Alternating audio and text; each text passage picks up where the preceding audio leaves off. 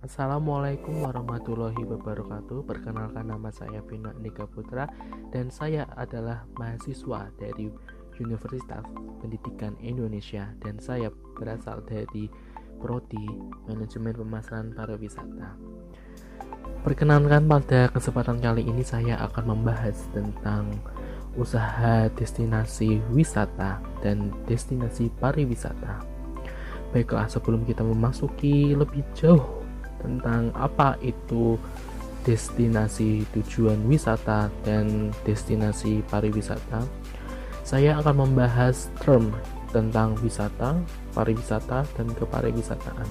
Karena tidak hanya sebagai mahasiswa, pelajar, bahkan masyarakat umum pun masih kesusahan untuk membedakan ketiga term tersebut. Yang pertama ada wisata. Wisata adalah kegiatan perjalanan yang dilakukan oleh seseorang atau sekelompok orang dengan mengunjungi tempat tertentu untuk tujuan rekreasi dan lain-lainnya. Dari pengertian tersebut bisa disimpulkan bahwa wisata itu adalah orang yang melakukan kegiatan yang bertujuan untuk rekreasi, pengembangan pribadi, atau untuk merelaksasikan dirinya. Oke, lalu selanjutnya yaitu adalah pariwisata. Pariwisata adalah berbagai macam kegiatan wisata dan didukung berbagai fasilitas serta layanan yang disediakan oleh masyarakat. Dari pengertian tersebut bisa disimpulkan juga bahwa pariwisata adalah kegiatan yang dilakukan oleh wisatawan. Oke, lalu yang berikutnya adalah kepariwisataan. Kepariwisataan adalah segala sesuatu yang terkait dengan kegiatan pariwisata beserta dampak yang terjadi karena adanya kontak atau interaksi antara pelaku perjalanan wisata dengan daya tarik wisata, sarana penunjang, infrastruktur, dan lain-lain. Pada intinya, kepariwisataan adalah suatu gejala yang terjadi karena dia diakibatkan oleh pergerakan manusia dari tempat tinggalnya untuk melakukan suatu kegiatan wisata baik liburan, bisnis, lalu dia kembali ke tempat tinggalnya semula. Oke, kita sudah mengetahui tentang apa itu wisata, pariwisata, dan kepariwisataan. Langsung saja kita masuk tentang destinasi pariwisata. Apa itu destinasi pariwisata?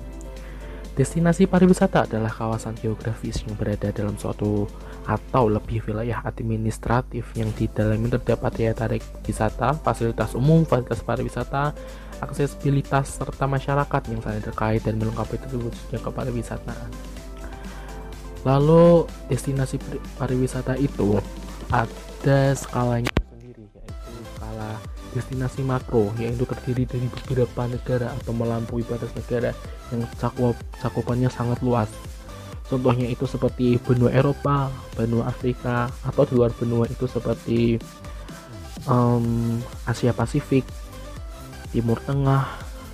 Lalu ada destinasi mikro yang pertama itu ada negara lalu turun lagi ada provinsi atau negara bagian lalu turun lagi ada kota atau kabupaten dan terakhir itu kawasan dermatik atau unik. Lalu berikutnya kita akan membahas daya tarik wisata. Daya tarik wisata adalah segala sesuatu yang memiliki keunikan, keindahan, dan nilai yang berupa keanekaragaman kekayaan alam, budaya, maupun hasil buatan manusia menjadi saran dan kunjungan wisatawan. Lalu berikutnya, dalam daya tarik wisata, komponen yang penting itu adalah jika pasar pariwisata demand menjadi faktor push dalam pergerakan wisatawan, maka daya tarik wisata menyediakan pool utama dalam sisi penawaran atau suplainya. Daya tarik wisata memiliki dua fungsi utama, yaitu memikat, menarik, merangsang minat wisatawan, dan fungsi keduanya adalah memberikan kepuasan pengunjung yang memiliki the true tourism product.